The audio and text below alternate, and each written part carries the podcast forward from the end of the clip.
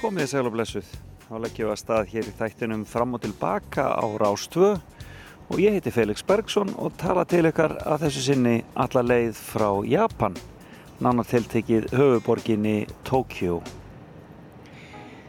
Já, ég stattur hér í eh, hverfi sem að heitir Shinjuku.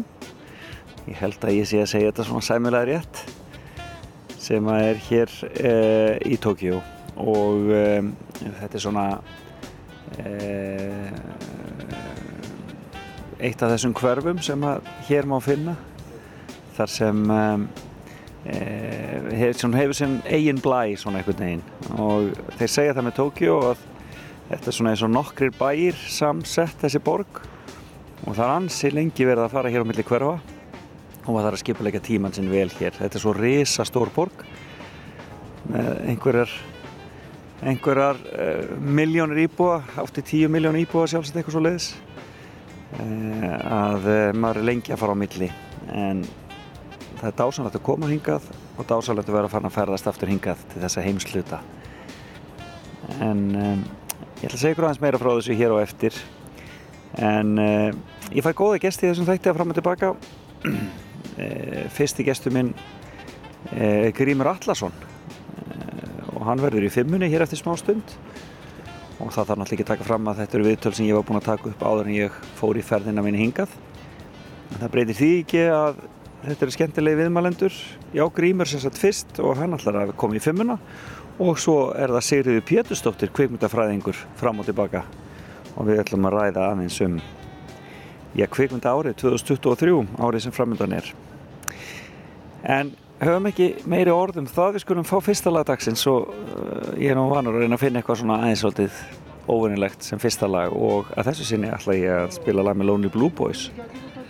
Uh, stór skemmtilegt lag sem heitir Japanska stúlkan og hljóma svona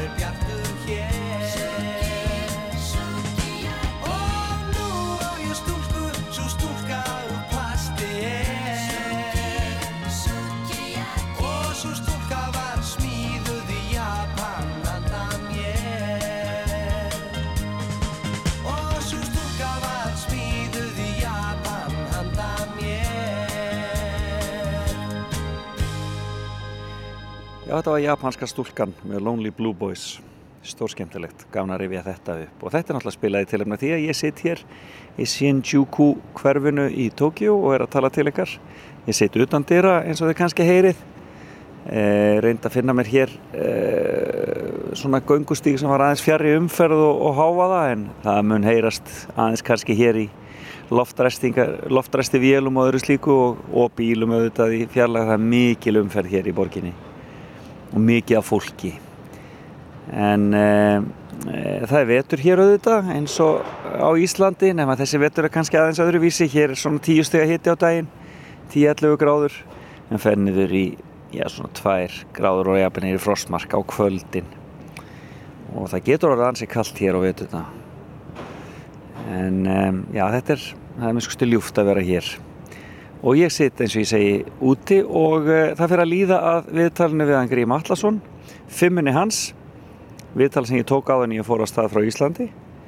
En um, byrjum á því að heyra hér í annaðlag sem tekist Japan. Þetta er svona fyrsta japanska poplæð sem sló í gegn uh, á heimsvísu og kannski það, já svona eiginlega það eina ef ekki bara segja það. Þetta er Sukiyaki. Þetta er ekki Sakamoto sem syngur þetta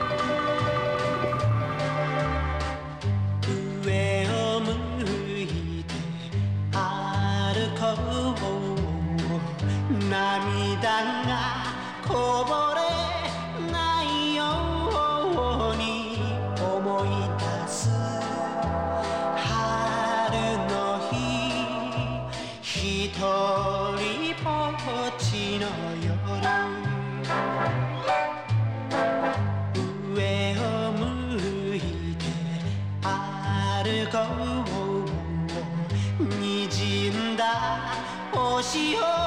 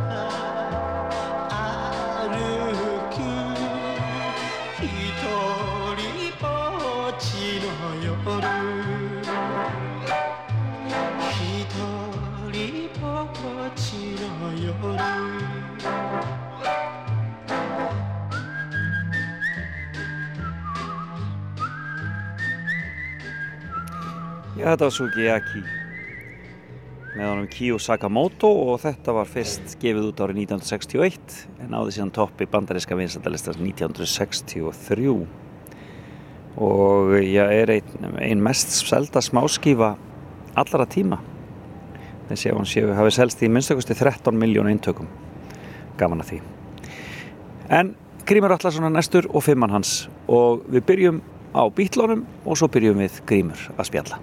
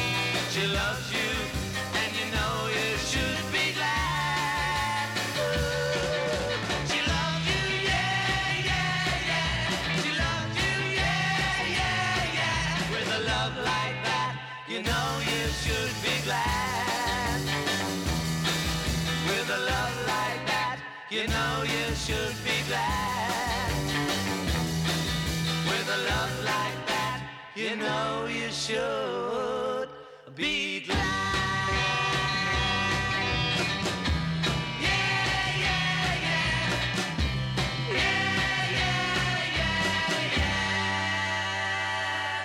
Þetta eru bítlarnir og She Loves You og þetta er val við, viðmælanda míns sem er sestur hérna hjá mér og hann heiti Grímur Allarsson og er framgættastjóri geðhjálpar og bassaleikari Er Pól fyrirmyndin eða? Já, hann er, hann er það sko á margan hátt. Já, ég reyndar alltaf ekki þegar ég heyrði fyrst í bítlánum þá er ég svona lítill, þryggjára og fjara ára kannski.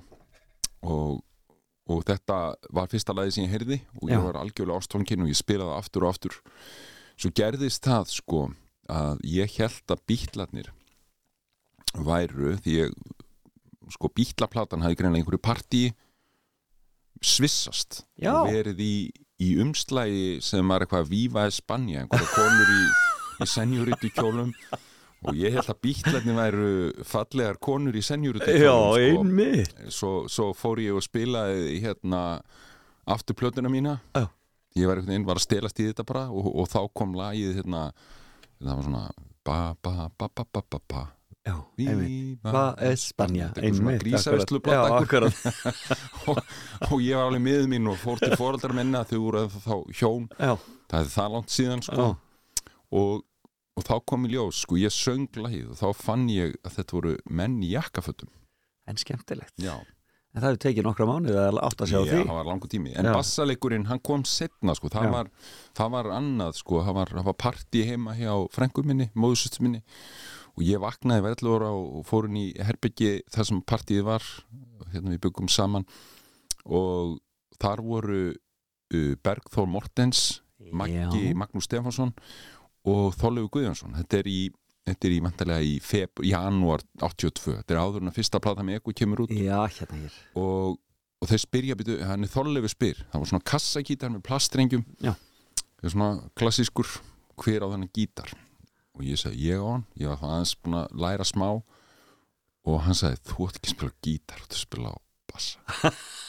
Og daginn eftir fór ég að spila á bassa. Hann kendi dásamlegt, hann kendi mér lindar hérna Day Tripper með bítlónum er líka Já, á þálugur, Einmitt. bassagangin þannig að það breytist. Já, þannig að þú ert, þú ert utakarsmenn og eko eru, eru það er þeim að kenna Já, þetta voru enda, þetta var, já, það var svona eko. Já, var eko, ég, já, ég já. kom setna í auðvitaðsmenn, Já. því ég var, ég var þarna var svona mitt band var svona pólís Já, þarna, og þú veist, ég var ekki alveg nú, var ekki alveg seldur auðvitaðsmenn fyrir en ég byrjaði að hlusta á eko, þannig ég byrjaði í svona í, í já þú byrjar að öfum enda svolítið. Já, en það er, en það er náttúrulega, já, þú ert náttúrulega líka það ungur já, sko, ég er 11 óra þarna, sko, þannig þetta er ekki alveg kannski, en svo bara, veist, svo opnaðist þetta. Nákvæmlega. Ég myndi utangarsmenn koma og spiluði í hagaskóla þegar ég er þar sko, ég er tveimar árum eldur en þú og það, það dugði. Ég hef aldrei upplifað annað eins. Það var eins og, já, að fá smá eldingu í hausinn. Ég veit á, þetta er nefnilega, mist, ég misti af þessu, ég misti líka klass 80, ég misti síðan á uppáhaldsbandinni mínu Strangles, Já. það var bara sko 78, Nákvæmlega þannig að þetta er svolítið ósangja. Þetta er rosalega Og ósækja Einar Örn var náttúrulega umbásmaður uttakasmanna, þannig að þetta spiluður í hagaskóla. Já, akkurat, já, ég hafði spiluði náttúrulega út um allt. Já, ég heldur að spilaði yfir 300 gig á einu ári eitthvað Já. svo leys, en það Bubbi var orðin rallus og þetta var allt komið ykkur vittlis En nóg um það, það kemur nú málun ekki við því að við ætlum að kynast þér nánar Grímur Allarsson Já, og þú ert með fimmu handa mér. Ég er með fimmu, Já, fimm staðir. Fimm staðir sem tengjast lífi mínu og svona í sem ég langaði svona kannski, ég fór að hugsa þetta og ákvað, ég ætla að taka svona staði sem hafa mótað mig og í rauninni hvað hefur gest í lífi mínu. Ok, svona, og, og svona með alls konar kannski vinklum. Byrjum á fyrsta stað. Já, það er Bára á Rauvarhöfn og, og það er hús Já, uh, þá langömmu minnar því langafi minn hann var dáin áður en ég fættist en ég fór fyrsta áratu æfi minnar á hverju sumri þangað. Já, já, já. var enda sko eftir fyrstu 76 byrjaði ég að fara í sveit. Já, þannig ég endaði alltaf á Báru. En 80 var ég allt sumarið á Báru með langömmu minni. Já, og ég svona horfa á það að þessi staður og það að ég hef verið með langömmu minni og reyndar í sveitinni líka já, það hefði gert það að verkum að, að hérna að ég fór ekki alveg í súgin En já, en um, hvað meinar þá? Að, það, þetta hafi bara verið það góð, gott uppeldi sem þú fegst þarna? ég þetta var svona kannski eitthvað svona eðlilegt sko, ég kem úr lífi sem er ekki alveg ekki alveg eðlilegt, sko, fóreldrar mínir voru ég er nú svo sem farið við það, var mikið neysla. Já, amma mín var sjómaður, ég ólst aldrei mikið upp hjá henni. Og ég, er, ég ólst bara upp hjá henni og var, Já. svona, þegar fóreldrar mín er endalega að skilja sem er 76 Já. þá hérna þá er ég bara hjá ömmu minni alltaf, ég var enda búin að vera mikið hjá henni. Hún var ung, hún var 37 ára þegar ég fættist já, já, já. þannig langa mín var heldur ekkert mjög gömul. Nei, en það var svo mikið los, losara bragur á þessu. Ef ég hef verið til þess hérna á sumrin þú veist uh, svona mikið þá hefði ég sko veist, Verið bara að mæla veist, þetta var þessi tenging. Er svo, já. en, en þetta er svo mikilvægt í barnæskun að fá eitthvað staðar einhverja hjartengingu já, og þetta hefur náttúrulega fyllt þér þá út lífið. þetta fylgdi mér út lífið og Já. hún svona, veist hún reynda svona upp úr 80 við förum ekki meira, þá er hún svona aðeins fann að veikjast. Og, og hérna þannig að svo er húsið rifið. Já, en ég á mjög sterkar tengingar til rauvarhafnar og, og þessara æsku minnar þar. Já, og það gerir svona kannski þú veist það er svona einhver svona botn ef ég má kalla það þannig. Já, og, og, og þetta er hansi merkilegu staður og, og, og svona þú veist dæmið um Ísland, við erum alltaf eitthvað að pæla í Íslandi veist, byggða saga og hérna veist, við viljum alltaf fá byggja þessi þorp. En þegar maður skoða sögu þessara þorpa Rauvarhöfn það bjó enginn hérna fyrir svona upp úr 1900 í rauninni sko já. og 1920 svona verður þú veist, mér vélbátamæðingun og svona þá fara, þú veist, eins og amma mín og þau eða langamma, þau Já. byggja hús og svona Já, þannig að þau eru meðal frumbyggina bara reynilega. já, þannig sko, þú veist, þetta er að þetta fólk, það, það, þú veist, er í sveitinni kemur í þessi litlu þorp Einmitt. og sagan er bara eitthvað svona 60 ár Já, veist, það er, er ekkert því að Nei. þá er kvótin uh, komin er runni og svo framsalið og, veist, og þá er engin ástæð til þess að vera með miljón lítil þorp Nákvæmlega. Uh en það breytir því ekki að þau hafa þessa sögu og þau tengjast svo mörgu fólki og, og maður þarf að bera virðingu fyrir því Hvernig fórstu þarna á sömrin?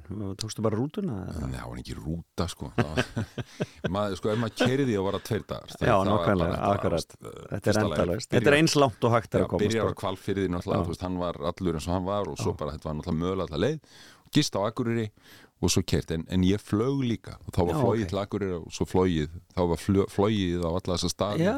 en þá flogið á, Þórsöfn þarna var sko lent á Rauvarhefn og Þórsöfn og Kopskir líka held ég. Og hérna en þú veist þetta var alveg, þú veist þetta var rosalega langt í burtu og það var engin sími í þessu húsi engin sími sko. Þetta var bara svona kynding einhver sko í kjallarann með olíu og, og, og bara En það hefur ekki verið neitt vandamál svona á sumrin. Nei, maður var bara þarna, þú veist þetta eru þetta, við norður heimskutt spög En hvort, hvort, hvort fóreldra þina er þaðan? Móðu mín, Já, og hún er líka hún, hún var alin upp að þessari ömmu sinni. Já, og, og hún uh, við mamma svona áttum svona samband sem var uh, stundum erfitt en, en, en líka gott. Og sérstaklega hún fekk sem sagt, hún vektist 2009 Já. og, og svona þá var samband okkar betra og betra. Já, og svo dó hún 2013 og, og hún bað mig um að, að það eina sem hún í rauninni bað um væri að, að hvort það væri möguleiki að hún geti fengið að kvíla þarna. Já, og þannig að ég og sýsti mín var mjög eftirminnlegt þegar það var semst útför hér í Reykjavík en, en e, svo fórum við til Rauvarhafnar til þess að grafa hana og þá leið ég sendibíl Já, og sett hana bara í skottið og, og þetta var svolítið dæmiger mamma, hún var bóhem hún bjóð í Greiklandi og viða já, og leiðin, veist, þú keiriðu við sko og stoppuðum á bautanum á Akuri og mamma bara úti að bílastæði og að svo komum við til Rauvarhafnar og þar var, já, veist, eitthvað svona pínlítil útför og fulli kallin í þorpinu kom og þetta var svo gaman alveg, þetta suss á hann og þannig að þetta er, mér er, er- Rauvarhafnar er svona staður sem ég, veist, Hvað hétu þessar konur allar? Langama þín og amma og mamma? Sko, langama mín hétt Sumarlín Gestóttir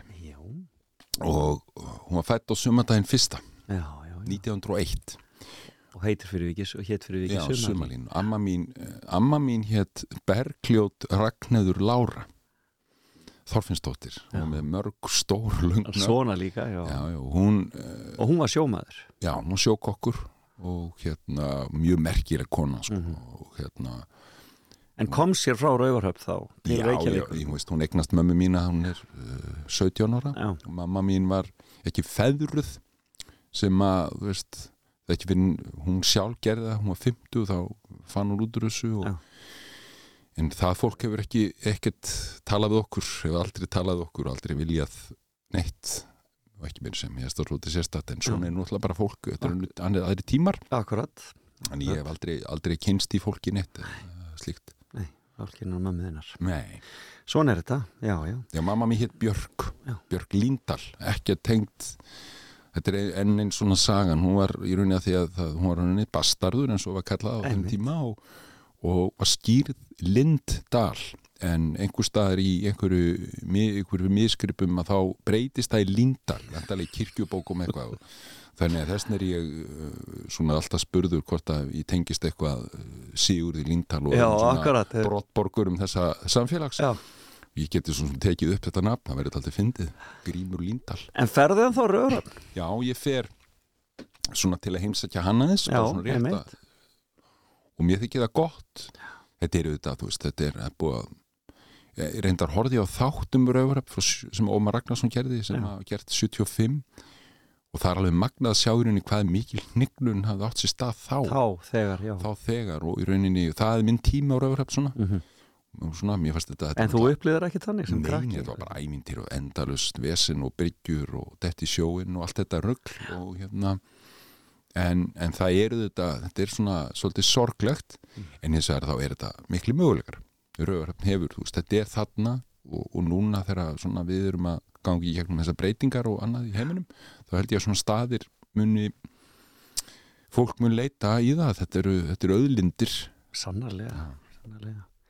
Næsti staður, þetta var Bára á Rauvarhöfn Já, næsti staður uh, það tengist svona, það er það er tvíbend, því að það er svona það er mjög margt gott sem kom út því en líka mjög margt svona áfallatengt í mínu lífi. Ok, Það er eh, Gríkland eða eigin Skjathos. Skjathos.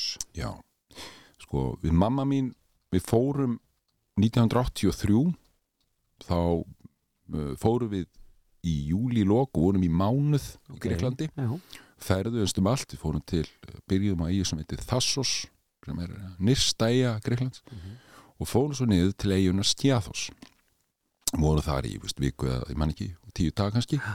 Og bara, bara margt gaman og svona og svo endum við í Aþenu og, og hérna, svo komum við heim. Og mánuð síðar mamma mín flutti Greiklands það var bara svoleiðis. Já, hún seldi seldi íbúðuna sína og fór til Greiklands og, og var þar í 15 ár.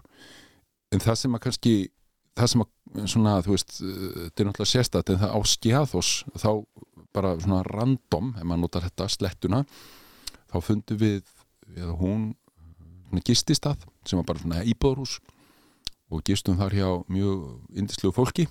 Svona sem kynntumst þar og mamma náttúrulega þegar hún flytti, flytti til Greiklands þá talar hún þetta við þetta fólk já, aftur sko. já, já, En þetta voru sem sagt uh, tilvonandi tengdafóreldrar móðu minnar já, já, já. hún kynntist síðan drengnum þeirra og úr því var það sýsti mín, ég á eina systur og, og hún er hálgrís Hún er þannig að það er svona það breytti þetta mínu lífi þannig sko. já vegar, þetta eru, þetta en, eru en varstu þarna lengi eða Nei, svoleiðis? ég er kom bara í heimsóknir bara, enda, já, já, já, að koma til Greiklands mikið og við, við Helgavala höfum farið mikið til Greiklands líka og krakkarnir Hvað ertu gamall þarna á þessum tíma? 12 ára verða gangi í 13 þegar hún fer Já, og þá var ég þetta búin að búna, búna, búa mikið hjá ömmu minni, bjó bara hjá ömmu minni, sko. þannig að þú fluttir alveg endanlega til hennar Já, ég var alltaf bara hjá henni, sko. Þannig að ég bjó, veist, ég var í hlýðaskóla því að, að amma mín átti heim á Miklubraut Já. og, hérna, móðu mín íbúðin sem hún seldi var á, á, á Seldhjartanesi og ég reyndi, í, ég fór í einn dag í Mýrhósaskóla þegar ég var 11 ára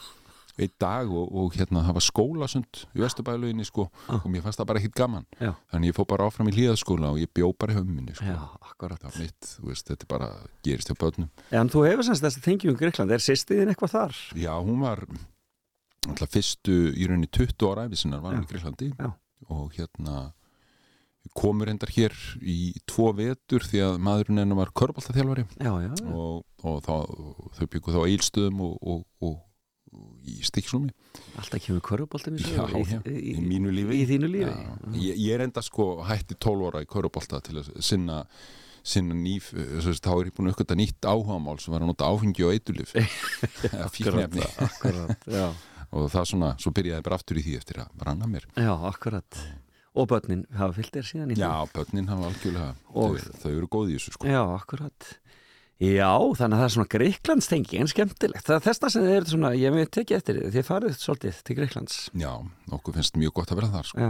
Og mér fannst alltaf uh, sko, þetta var svona tvíbent, þú veist, þetta þess að ég sagði, svona nistla í þessu dóti og, og, hérna, og, og hérna, þannig að það var ekki alltaf og ég sjálfur þetta bara, var ekki í góðum málum alltaf, en, en Gríkland hefur þess að, þú veist, mér þykir mjög vænt um þennan stað og, og hérna, Það mögnuð saga og nýkomið út úr út úr herfóringjastjórn hana Níko, já, það er svona eða svona þannig það er já, að já, gerast þarna er það Evru þeir eru nýgengnir í Evrópusambandið Já. þarna og uh, smikluðu sér þangað inn og smikluðu sér svona í efruna já, já, en, með, með, með feikuðu bókaldi.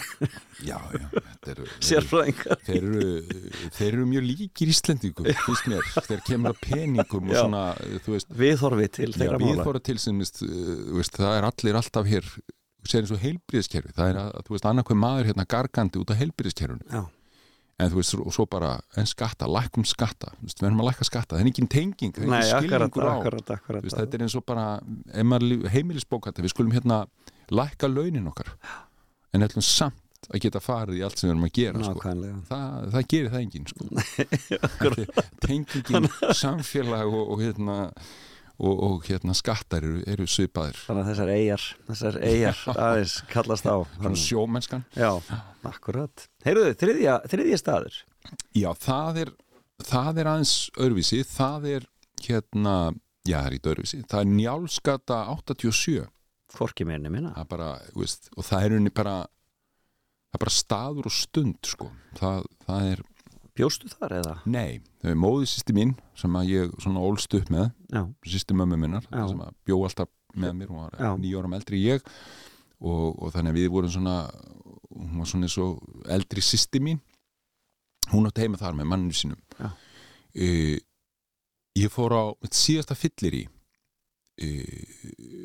kvöldið eh, 25. februar eh, 1995 og þá drakk ég bara mjög stíft og, og, og mjög í þessu þá var mér meinaður aðgangur að heimili mínu þar sem ég átti, átti unnustu sem að var þá bassafandi og hún sagði bara "Ég veist að ég nenni þess ekki og ég fekk ekki koma heim. Og ég sinnaðastu föðu minn líka sem að ég ætlaði að að gista hjá líka í þessu ástandi og fekk ekki að vera en, en Edda, frænka mín, tók á mót mér.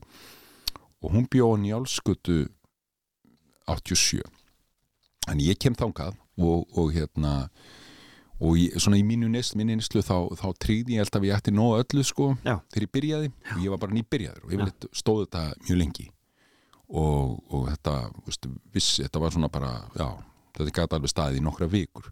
Nema ég fer hann til Eddu Frængu og svo vakna ég á Njálskötu 87 og ég svona tegi mig eftir. Ég átti, þá hefði ég tryggt mér viskiflösku meðal annars. Já.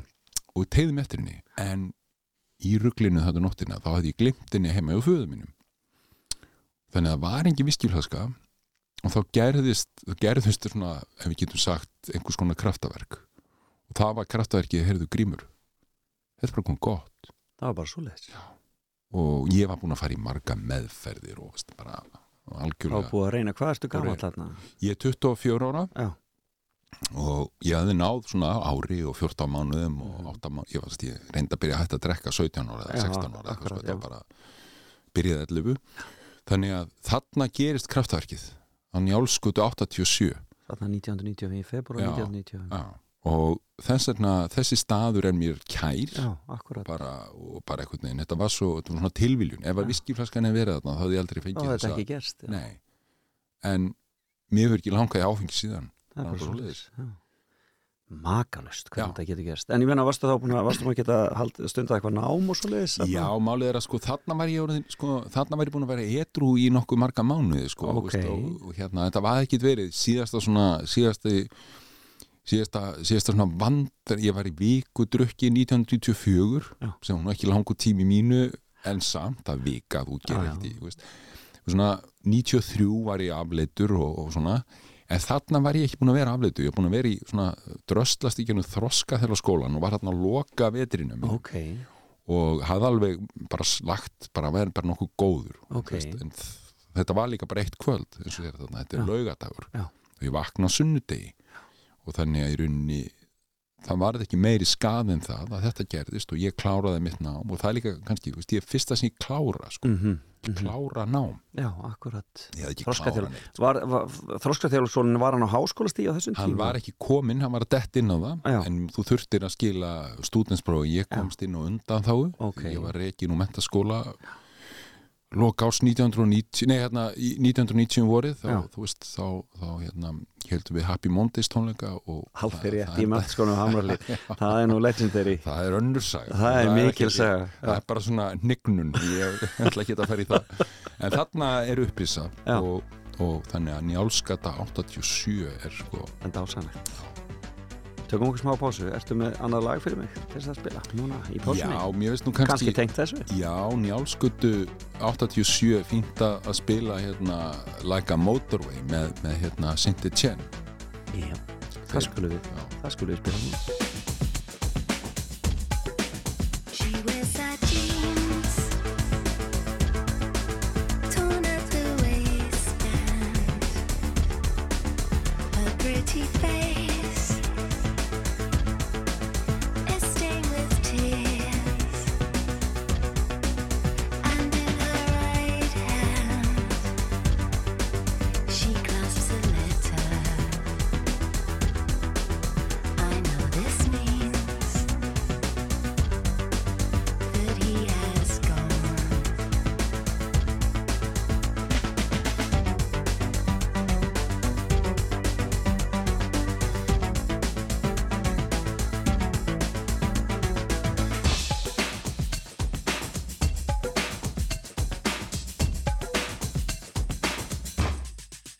Quisieras que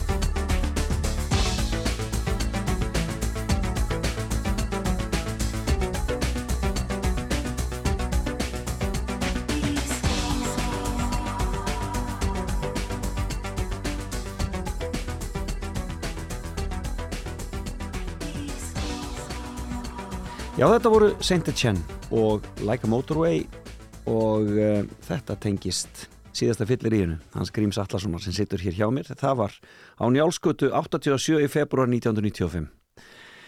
Eh, og þ- þú hefur bara haldið að þú hefur ekki, hefur ekki smakkað áfengi síðan. Nei, ég hef verið ettrú síðan og, hérna, og það er náttúrulega ef maður horfir hans yfir völlina þá, þá hafa öll mín börn fæðst á þessum tíma og, og barnabörn Já. og ég er náttúrulega óendanlega þakkláttur og ég held samt að sko kannski, ég, jú þau vita það alveg sko, þau, þau kynntust náttúrulega fóraldur mínum Já.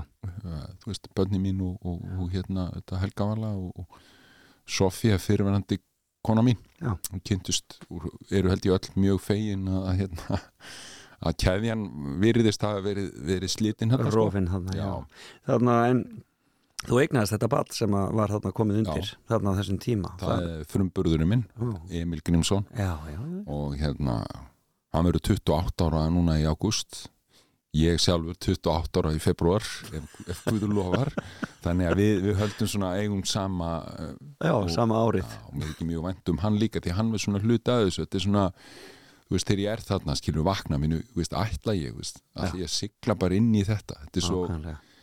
Veist, við, við þekkjum þess að kalla og, og kellingar bara, sem eru, þú veist eiga þess að krakka hingað og þangað einhvern veginn og, og þú veist hafa aldrei tekið ábyrð á neinu. Nei, veist, og eru bara þarna og þetta er svo sorglegt. Og þú vildir ekki verða hann. Nei, nei, það Ekki er rosalega eimt. Og veist, við, við tölum oft um þetta við pappi minn. Hér, við, við vorum mjög nánir þrátt fyrir allar hans remmingar sko. Já.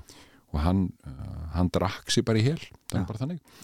Og, og ég, veist, þessi þessi sásveiki og söknuður sem er, Já, ég vildi að ég hefði þú veist þetta þú veist, það er engin, þú veist, þú ert orðin fullorðin og þú veist, einhvern veginn allt því langar ekkit að vera þar. Nei, þú vildir einhvern veginn miklu frekar hafa, hafa þú veist, staðið þig. Þetta sér maður eftir alls konar en að, en að standa sig. Og, svo, og þannig að þú veist Ég hugsa oft með kynbræður okkar sko sem að maður svona kynst í gegnum lífið mér, ég að vísu finnst mér að aðeins hafa breyst. En það var þannig, minn sko að minni kynsluð að sömur bara skiptu sér ekkert af börnunum sínum eignuðust börn og skiptu sér bara ekkert af þeim. Og svo bara lendur í því að, að allt í nöðu stendur 16 ára einstaklingur fyrir framann dittnarinnar og, og spyr hvort þú viljir í alvöru ekki þarna vera hlut af lífi. Og þá ertu búin að missa á svo miklu mikilvægum og, og, og góðum tíma. Það er sorglegt þetta er svo, þú veist, í alvöru. Því ég held að það, það sé bara svona, ég held að þetta sé svona mesta sorg Já, mjög margra. Akkurat. og þá er ég ekki að tala um börnin heldur þeirra sem eiga börnin nákvæmlega, akkurat. Og þetta er þetta líka, mun alltaf fylgja börnunum. Þetta er svona, þú ert að búa til svona ákveðnun þú veist, höfnun og Nákvæmlega, fleira sem já. þau þau, veist, þau bá ekki um þetta sko. Akkurat, og höfnun og, og áföll er náttúrulega það sem oft á tíðum triggerar það til dæmis það sem þú ert að vinna, já, vinna með Já. geðsjúkdómana slíkt. bara alveg En förum í fjórða staðinn.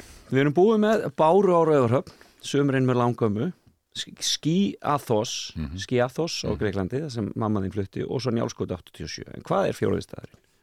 Fjóruðstæðurinn er uh, mestarvelli 13 Ok. Já, við erum að, sko, Nú ertu bara komin fann að færa þig á, alvöru slóðir, sko. já, ég, sko það breytti rosa miklu það, svo sko, ég uh, tilviljanir og svona, ég fór að fór, ú- fór út á lífi 9. oktober 1999 Já. og hitti þar hérna stelpu sem að með mér í, í MH sem ég þekkti bara Já. og hún heitir Helgavala Já.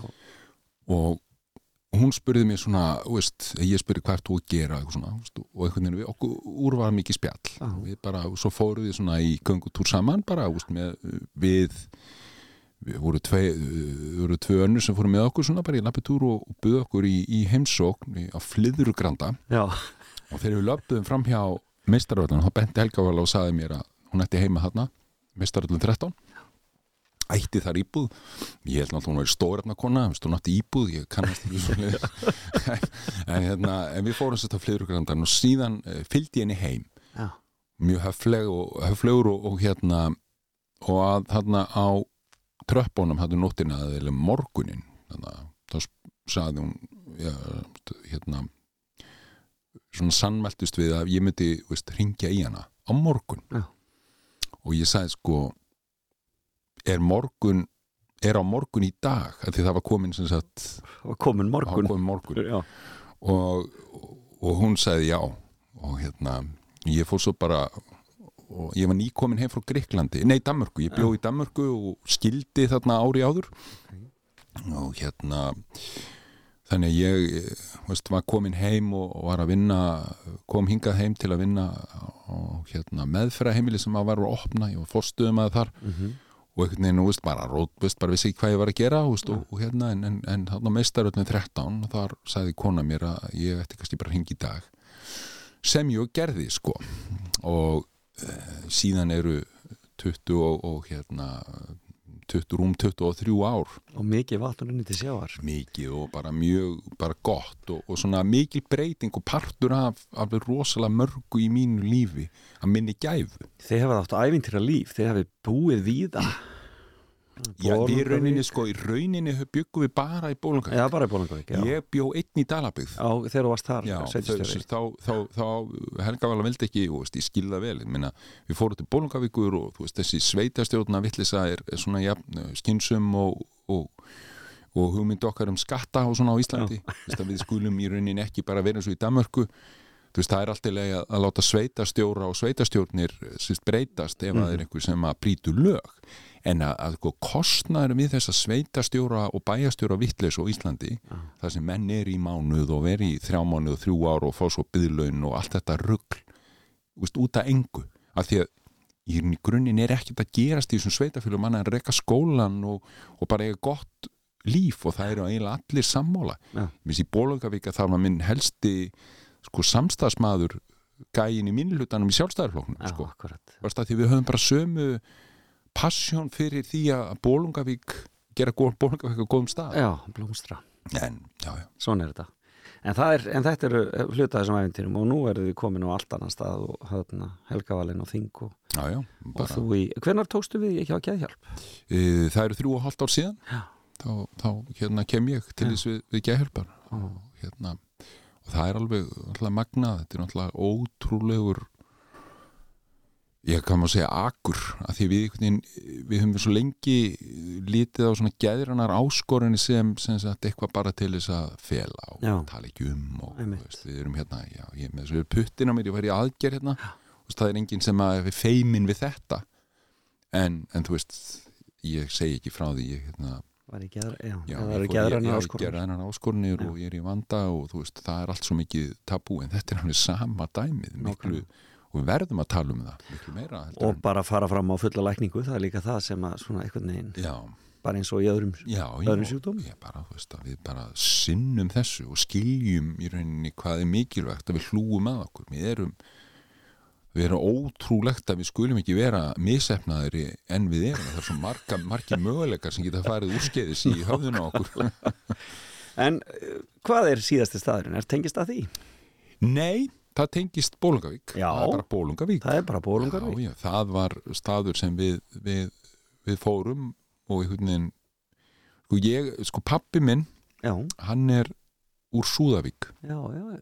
ég fór aldrei til Súðavíkur í rauninni með pappa og ég fór nú aldrei neitt með honum sko, bara í, kannski skilur við fórum aldrei ellendis en, en hann var fættur í Súðavík og ég skýrður í höfuð á, á hérna langafa mínu sem ól pappa minu Já. bara, það var alltaf bara sleft og fóraldinu var alltaf sleft í minni hætt.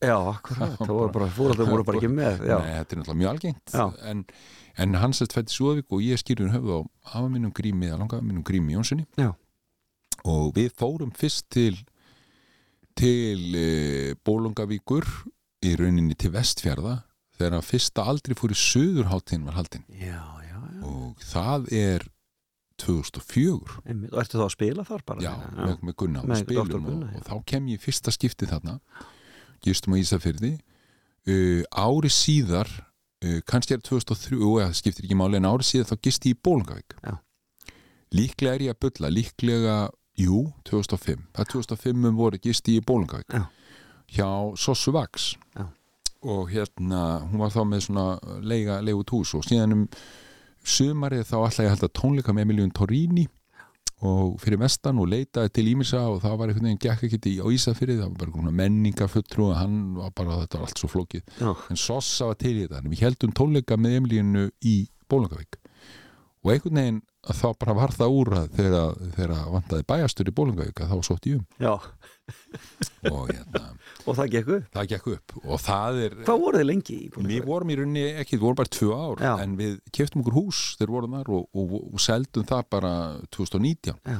þannig að við áttum sagt, hús í, í, í þarna 13 ár Og fóruð gætnan á sömurinn? Já, já, fórum við veturinn og vorum bara mikið í Bólgavík Hvað er það við vestfyrirna sem er svona sem er svona sjarmerandi? sko það er bara margt sko, það er náttúrulega náttúrun hérna er, er stórfengleg og svo er fólki líka mjög magnað Að mjög. Já, og, og það er bara gott að, að, að hérna, vera fyrir vestan kannski líka ef maður hugsa svona einhverja rætur eða eitthvað sko Já, akkurat. en veistu, sonur okkar, hann, hann Arnaldur hann vildi, hann byrjaði mentaskóla þarna og í kjölfærið og svo kom hann heim hann svona, og leitandi strákur en, svona, en svo fór hann ánga aftur og var í tvo vetur bara einn Já, að spila körfubólta þarna líka og verið í skólanum þarna og, og hann kom bara heim í síðastlið vor að vestan. Og orðin fullorðin maður bara. já, já, hann, er, hann var tvítur í höst en þá var hann að vera stílur þennan hann er tengingin og hún líður vel Já, hann akkurat. var kærustu úr Bólugavík þau voru saman á leikskóla bara tilíljun Já. en gaman þannig að Bólungavík er minn svona já, þetta er góður staður í okkar lífi Dásanlegt. já, Þetta var skemmtilegt. Gaman að fara með þér í gegnum þetta, grímur. Lítur þau bjartum augum til 2023? já, já þetta er, þetta er, að, það er svona pappi minn, hann hérna var kuklari, eins og maður segir. Já. hann var mikið í, í, í að spá í lóa. Já. og kynviska dýrarhingin, hann var mikið að pæla í honum. Ok. og hérna, ég hef gaman að þessu þegar, þegar við töluðum oft um þetta. Og ég ger þetta stundum, ég spái fyrir fólkinu mínum, Já. ekki reyndar í lóa. En, en ár fyrir hundin er þetta ár mjög gott sko, þetta er sko ár kanínunar sem er að koma. í Vietnam er það köttur held ég en, en ár kanínunar og það er svona mikið lukka sem að mun, mun uh, hérna og það er bara svoleiðis, ef maður, ef maður trúir því þá bara er það þannig. Og ef maður trúir því eitthvað verið gott þá verður það gott. Þrátt fyrir allt. Kæra þakki fyrir komin í fram og tilbaka. Takk fyrir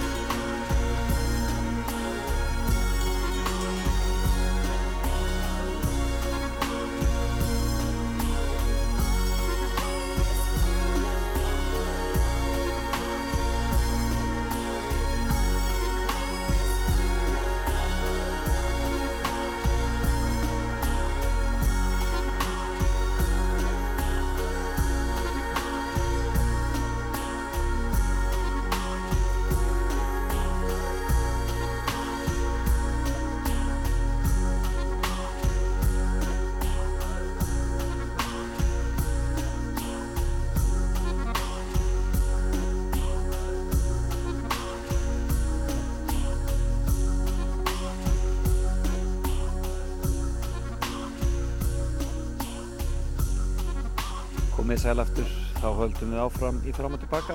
Ég heiti Felix Bergsson og er búinn að sitja með ykkur hér í morgun. Ég tala til ykkar frá eh, Tokyo í Japan, eh, er stattur hér eh, að skoða land og þjóð og það er dásanlegt enn sem komið er. Og verður jafnvel betra vona ég, ég hef eftir að fara líka til Osaka og Kyoto og vonandi skoða líka fleiri staði hér. En uh, í morgun heyrðu við í honum uh, Grími Atlasinni sem að, uh, var í fimmunni hjá okkur. Og hann talaði um fimm staði. Og það var skemmtilegt að heyra ótrúleg saga hans Gríms og gaman að fara með honum í gegnum lífið í gegnum þessa staði e, og kennir það margar grasa. Og ef þið mistu það viðtalinu þá verður það komið inn á netið mjög fljótlega. En e, hér á eftir ætla ég að heyri einu Sigriði Pétursdóttur og við ætlum að ræða aðeins um kvikmynda árið sem ramöndan er. Sigga náttúrulega algjör algjör sérfræðingur og fylgist vel með. Og e, já, verður gaman að heyra hvað hún hefur að segja. En við byrjum að heyra hér í Björk All is full of love af plötinu Homogenic en Björk er einn af þessum íslensku listamennum sem hafa gert það mjög gott hér í Japan. Og Homogenic var gríðalega vinsæl hér, fór inn á topp 10 á vinsældalistum svo plata hér. Og það er engin smá markaður að komast inn á e, japanski markaðurinn. Þannig að það sýnir nú enn á ný hversu mikil alheimstjarnar Björk er. En uh, já, þetta var uh, þetta var af sem sagt plötunni Homogenic sem ég segi stundum að sé að mínum mati einn besta popplata allra tíma. En fáum aðeins lag sem að kannski tengist Japan meira. Munið eftir þessu, þetta er uh, Aneka og lag sem heitir Japanese Boy. Svolítið skemmtilegt og skrítið í framhættu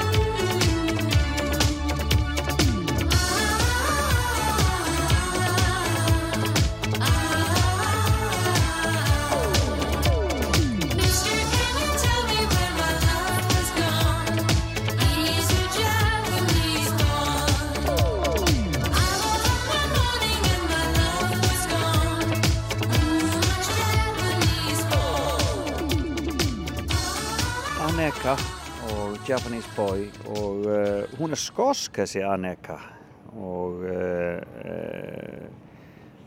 var gríðarlega vinsæl fyrir þetta lag. Þetta lag fór í efstu sæti vinsældalista 1981 hún, hún hétt upprunalega Mary Sandeman og og er frá Edinborg í Skotlandi. Og hún átti erfitt með að að, að hrista af sér þetta Japans, þessa Japanstengingu eftir þetta eina lag en það var hann í Kimon, Kinomo í, í uh, myndbandinu. En uh, það er sem eins og það er. Það er stundum erfitt. Þegar maður á svona einn smell þá tengja allir mann við hann það sem eftir er. Svo leysi það. En skosk er hún ekki japansk. Um, það er komið að að fara að ræða um kveikmyndir og Sigriði Pétursdóttir kom til mín og við röppuðum saman þegar ég var á Íslandi. Og uh, þar kennir margra grasa. En við skulum byrja á að hlusta á þursaflokkin og það er ástæði fyrir því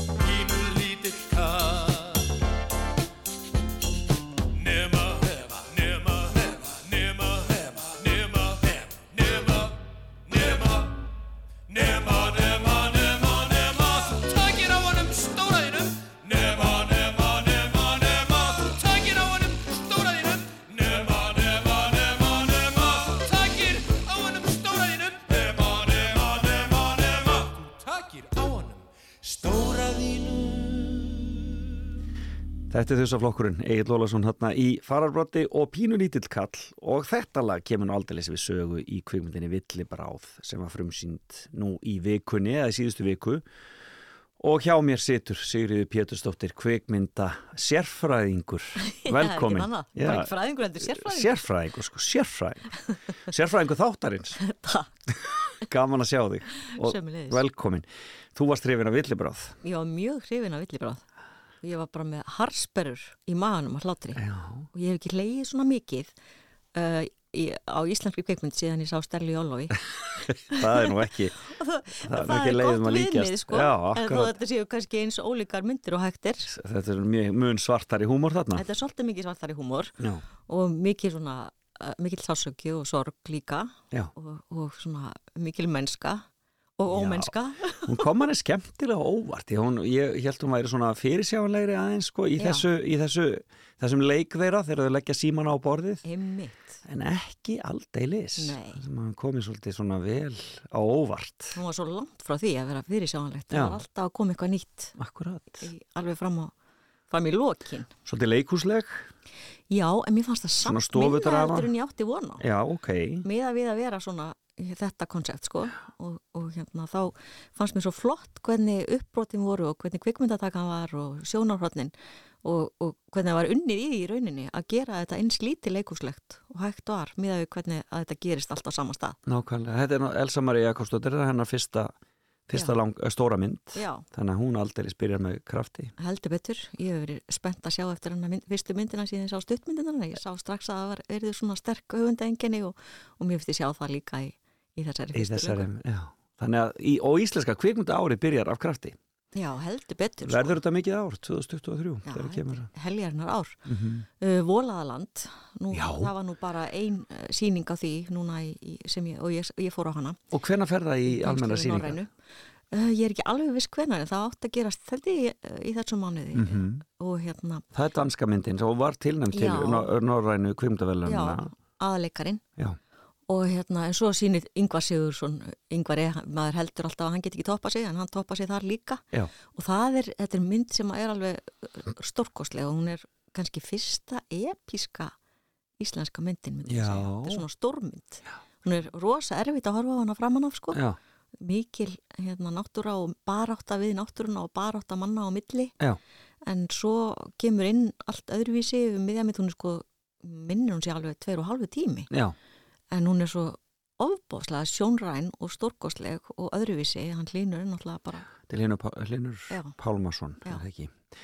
Hann er náttúrulega vinnur í rauninni fyrst og fremst í Danmörku þannig að hans myndir eru, ég meina það eru gerð á Íslandi en hann er að vinna fyrst og fremst, hann er svona mi- mikil tengst í Danmörku. já, hann var í danska kvikmyndaskólanum. Já, Uh, hvíti hvíti dag var náttúrulega alveg hér. já, hér hann hér, býr já, rétt, já, já. En, en vetrabræði var alveg dönsk og þessi er svona dönsk-íslensk. Grönsk íslenska, akkurat. Já, Danindin setja hann fram í sko, sem Já, já, mynd, já, já. sko. Já, já. Þau geta það líka alveg sko. Æði geta það, en skemmtilegt. Þannig að það, hún er að koma, Já, veistu meira sem er að koma á árinu? já, alveg helling. Já, Á ok. ferð með mömmu, ég er mjög spennt fyrir henni, Já, Hilmar það- Odds. Hilmar Oddsson, já, Það sem ég sé svartkvítan dreilir, það sem að hérna Kristbjörg Kjell leikur lík.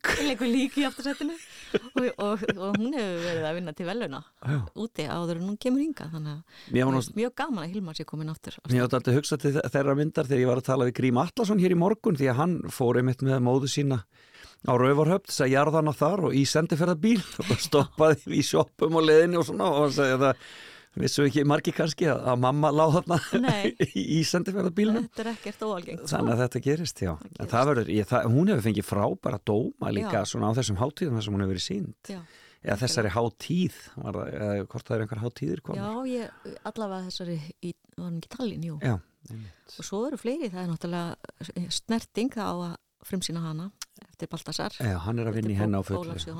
Ég veit ekki alveg hvort hann nær, nær að vera frumsýnd en Mhm. það, er, það er planið.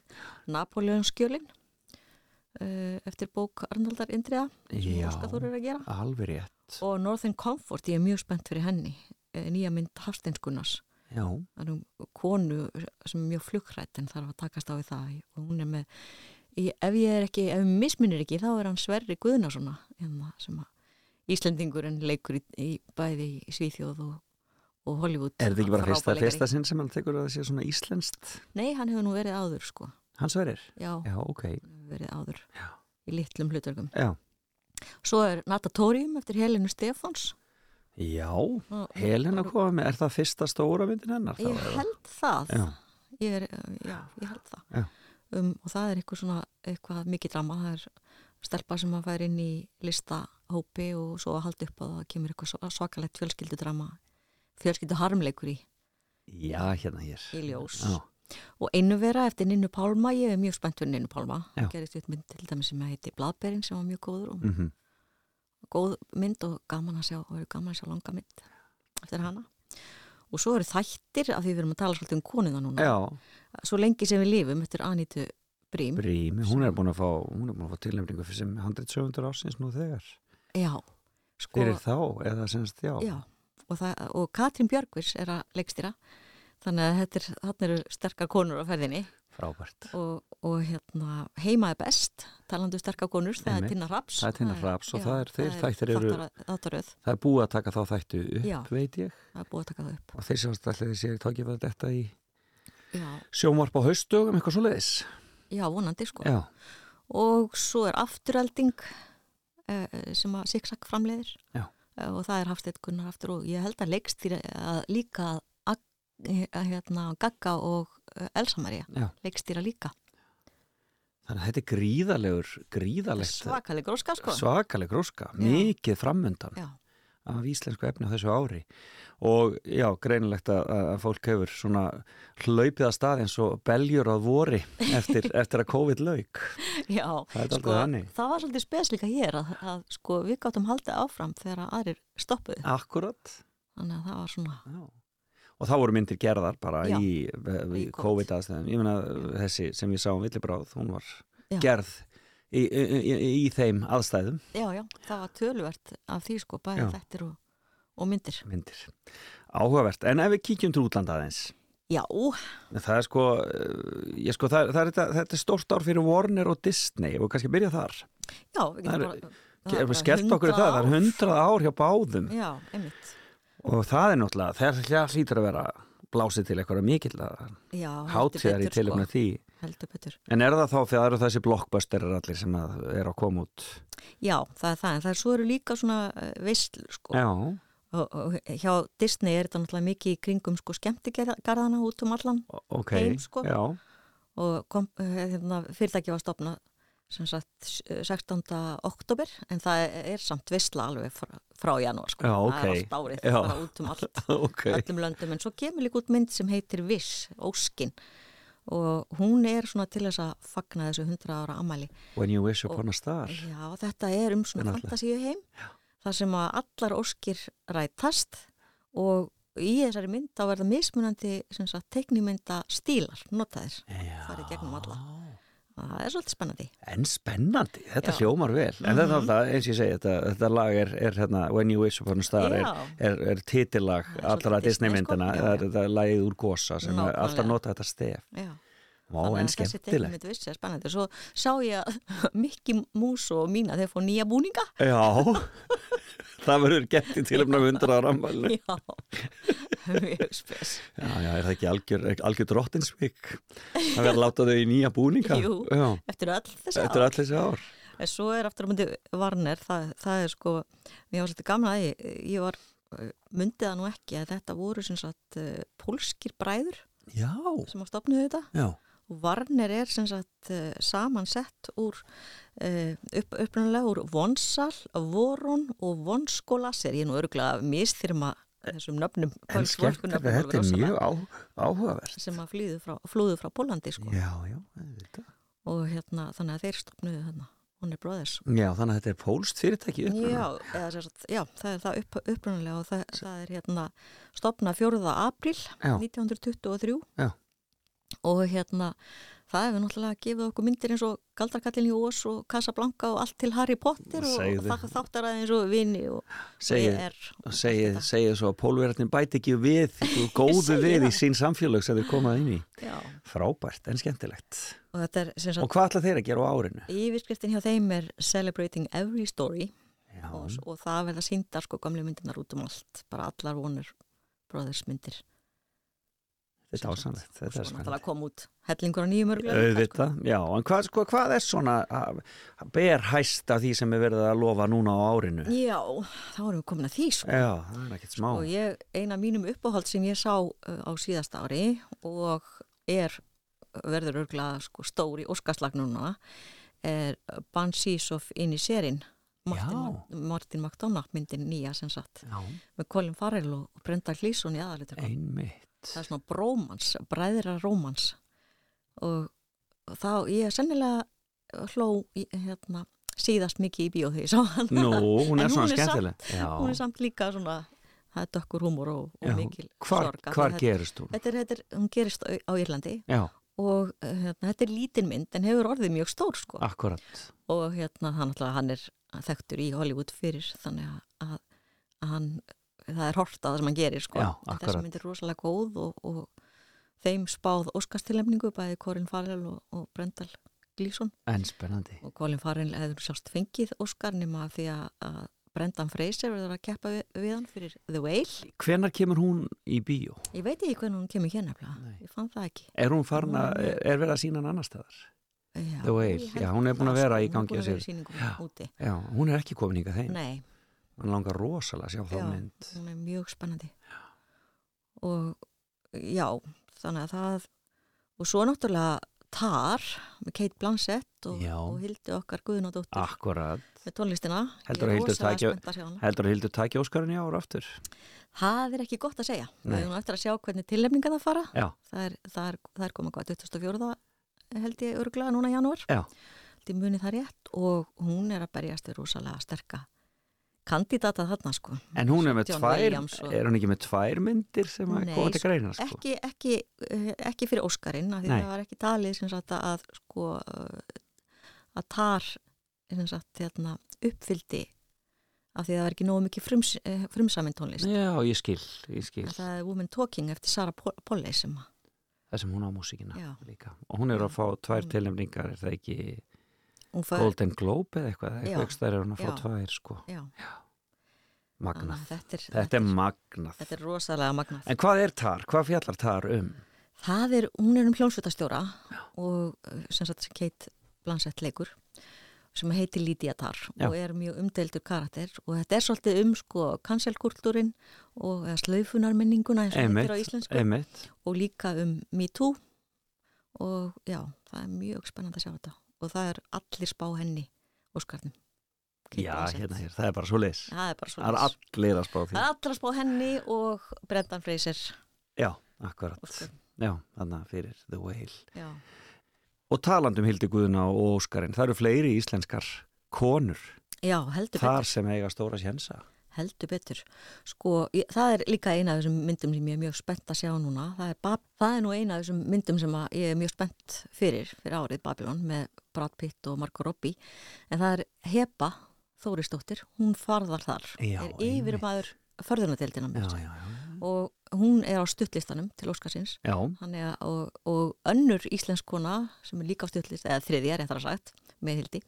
Þriðja konan er Sara Gunnarsdóttir með teik, teiknumyndina sína, stuttmyndina My Year of Dicks. akkurat. Og þær eiga báðar bara mikinn sjans til ég og hildi líka. Ég held að það eigi bara allar mjög mikinn sjans á að komast í tilnefningu. Og þá verður nú Óskars nóttin spennandi. Þetta er Við eigum skemmtilegt. Þrjá kandidata. Þetta er dásalegt, sko. Já, já. Fleiri myndir sem að svona, ég sé þú ert með rosalega lista, sko. Já, já, já. Þetta er já. endalust bara.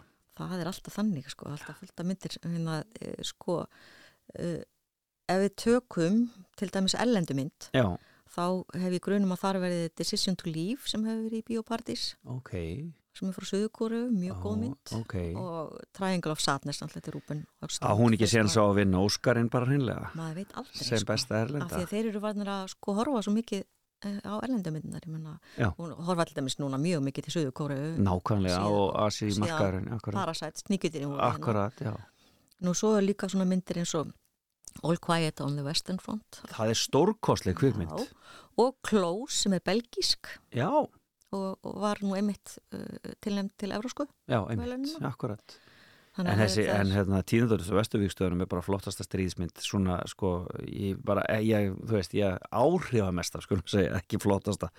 ég hef bara aldrei séð annað eins, hún er rosaleg og sko ég er eins lítið fyrir stríðsmyndur og hættir sko. sama segi ég sko, en þetta var hún bara var svo, náðum hann svo á sterkum tilfinningalegum líka bara í kannski ljósi átakana í Rúslandi, nei í Ukræni ég. held að það magniði þetta upp sko, upplifunina hljóta að gera það Já, en svo er einn mynd sem er rosalega stór sem ég ekki séð og býð mjög spennt eftir að koma í bíó, heitir Everything Everywhere All at Once já, einmitt og það er allir að tala um hana úti líka og hún er, það er margir sem segja að hún geti fengið Óskarinn.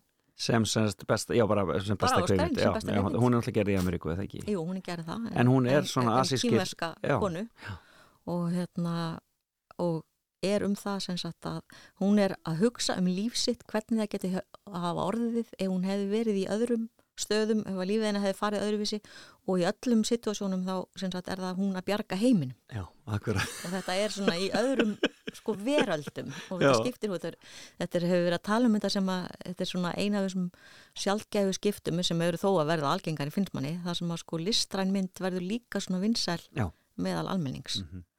Þannig að já, ég er mjög spennt að sjá hana. Já, þetta er gríðarlega spennandi og já, verður gaman að fylgjast með hvernig þetta verður. Og svo náttúrulega eru allir blockbusterinir, allar hérna allar e, superhetju myndirnar Já. og það allt saman, það er allt að koma.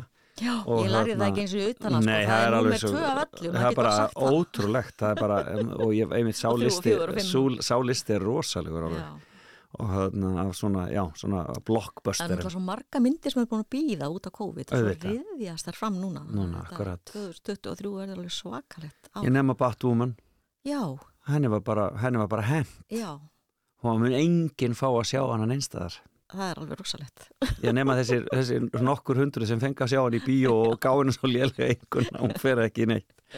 Er mjög maður hefur nú heyrt sko um myndir sem að stoppa í klippivinslinni en, en þetta er alveg, þetta hefur maður aldrei heyrt að mjög þetta er mjög spes. Þetta verður gaman að fylgjast með þessu ég veit að þú verður kölluð hér til í trekk í trekk, elsku Sigga til þess að fylgjast með þessu öllum þannig takk fyrir að koma fram og tilbaka og segja okkur á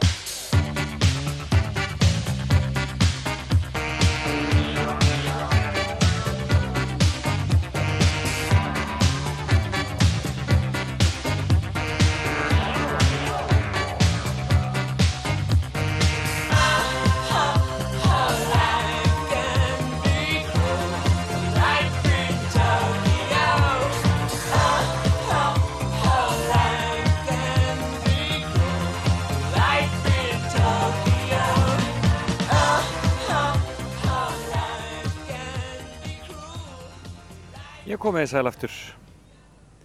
Þá höldum við áfram í fram og tilbaka og við hófum þennan síðasta hluta þáttarins á lægi með hljómsveitinni Japan og þetta er lag sem að heyri sjaldan, kannski ekki þeirra stæsti smellur en heitir Life in Tokyo og það á mjög vel við enda erum við stödd hér í Tokyo í augnaflikinu eða miskustu umsjónamaður þáttarins og uh, sitt hér í mínu góða hverfi Shinjuku og nýt sólarinnar hér uh, um hádegi spil.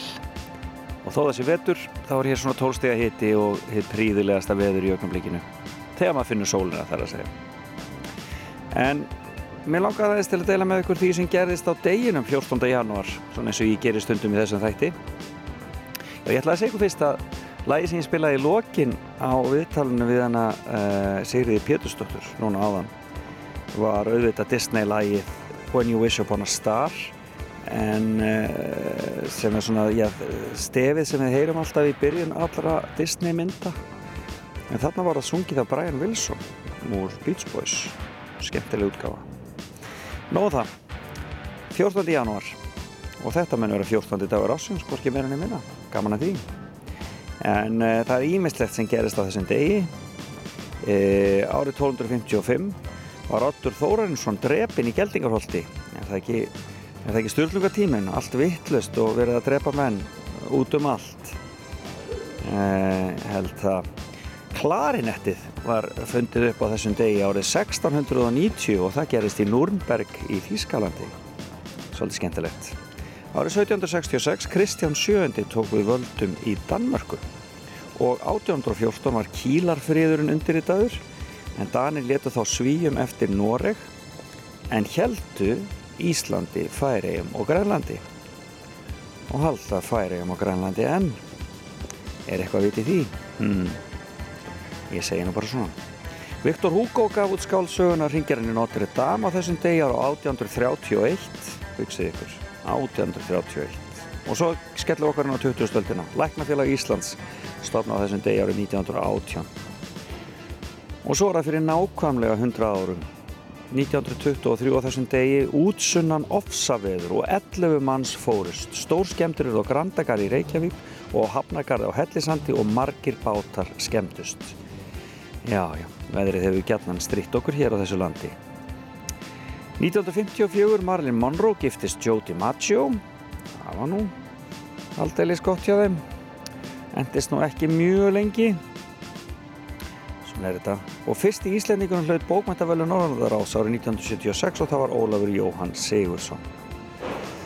Johnny Rotten hætti í Sex Pistols á þessum degi árið 1978 e, og e, síðan var það stórviðri sem gekk yfir Austurland á þessum degi árið 1982 talandum vond veður rúður brotnið í flestum húsum á borgarfyrði Eistra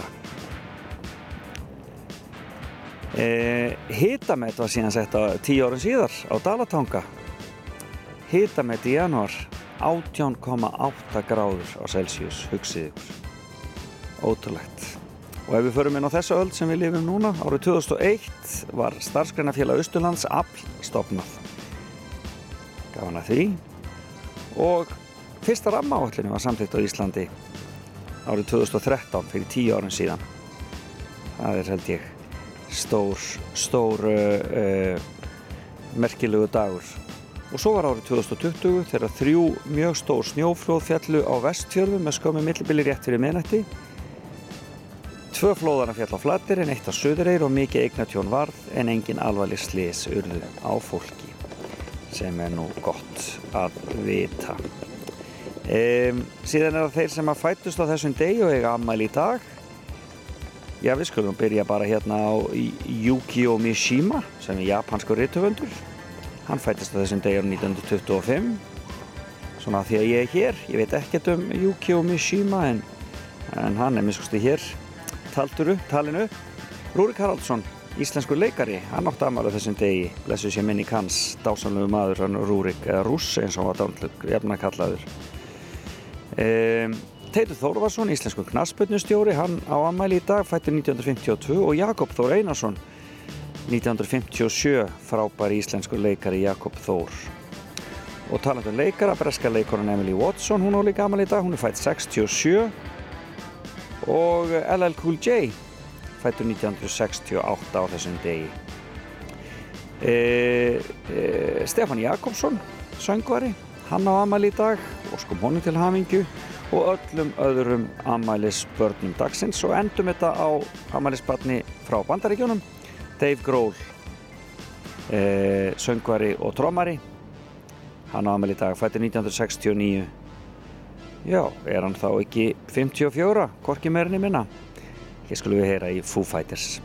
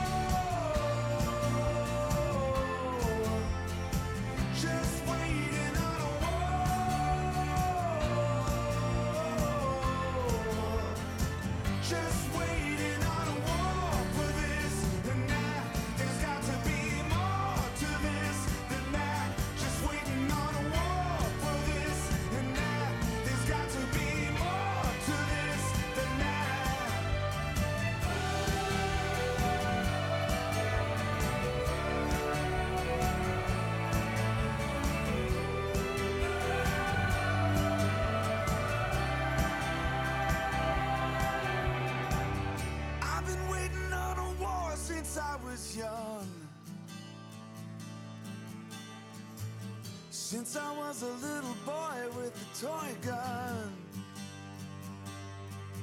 Is it more?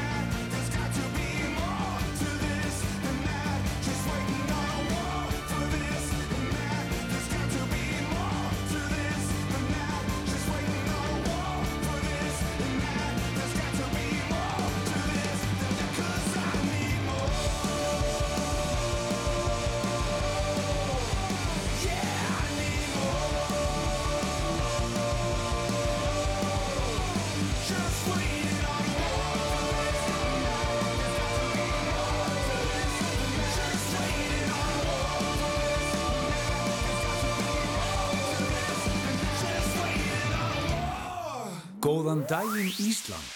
Fram og tilbaka ára ástvöð.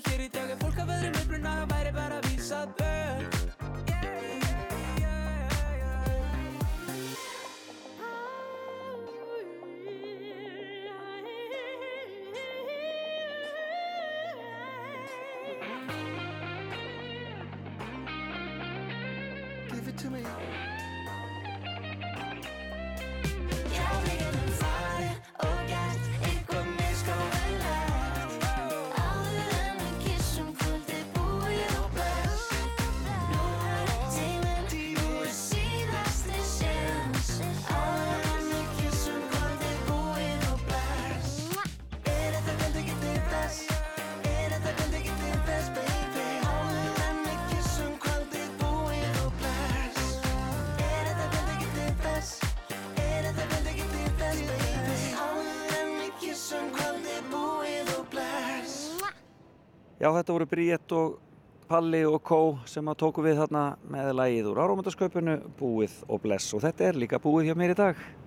Og ég segi bara bless bless hérðan frá Japan. Gaman að vera með ykkur. Vonandi get ég fært ykkur einhverja fleiri fréttir frá þessu eh, landi þegar ég kem heim aftur. Eh, en eh, það er ekki líku til þess að ég verði í loftinu eh, næsta laugardag en ég verð það það komin á minn stað laugadaginn þar á eftir En við skulum enda þetta lag á endaðan að þátt á laginu sem er kannski svona þekktast þegar kemur að Japans tengingu. Þetta er Alphaville og Big in Japan og ég þakka viðmælundum mínum í dag Grími Atlasinni og Sigriði Pétursdóttur kærlega fyrir og ég minni á að þið getur fundið þáttinn og eldri þætti fram og tilbaka á hlavarpsveitum og svo auðvitað inn á roof.is En þetta er búið í dag, endum þetta með Alphaville. Bless bless.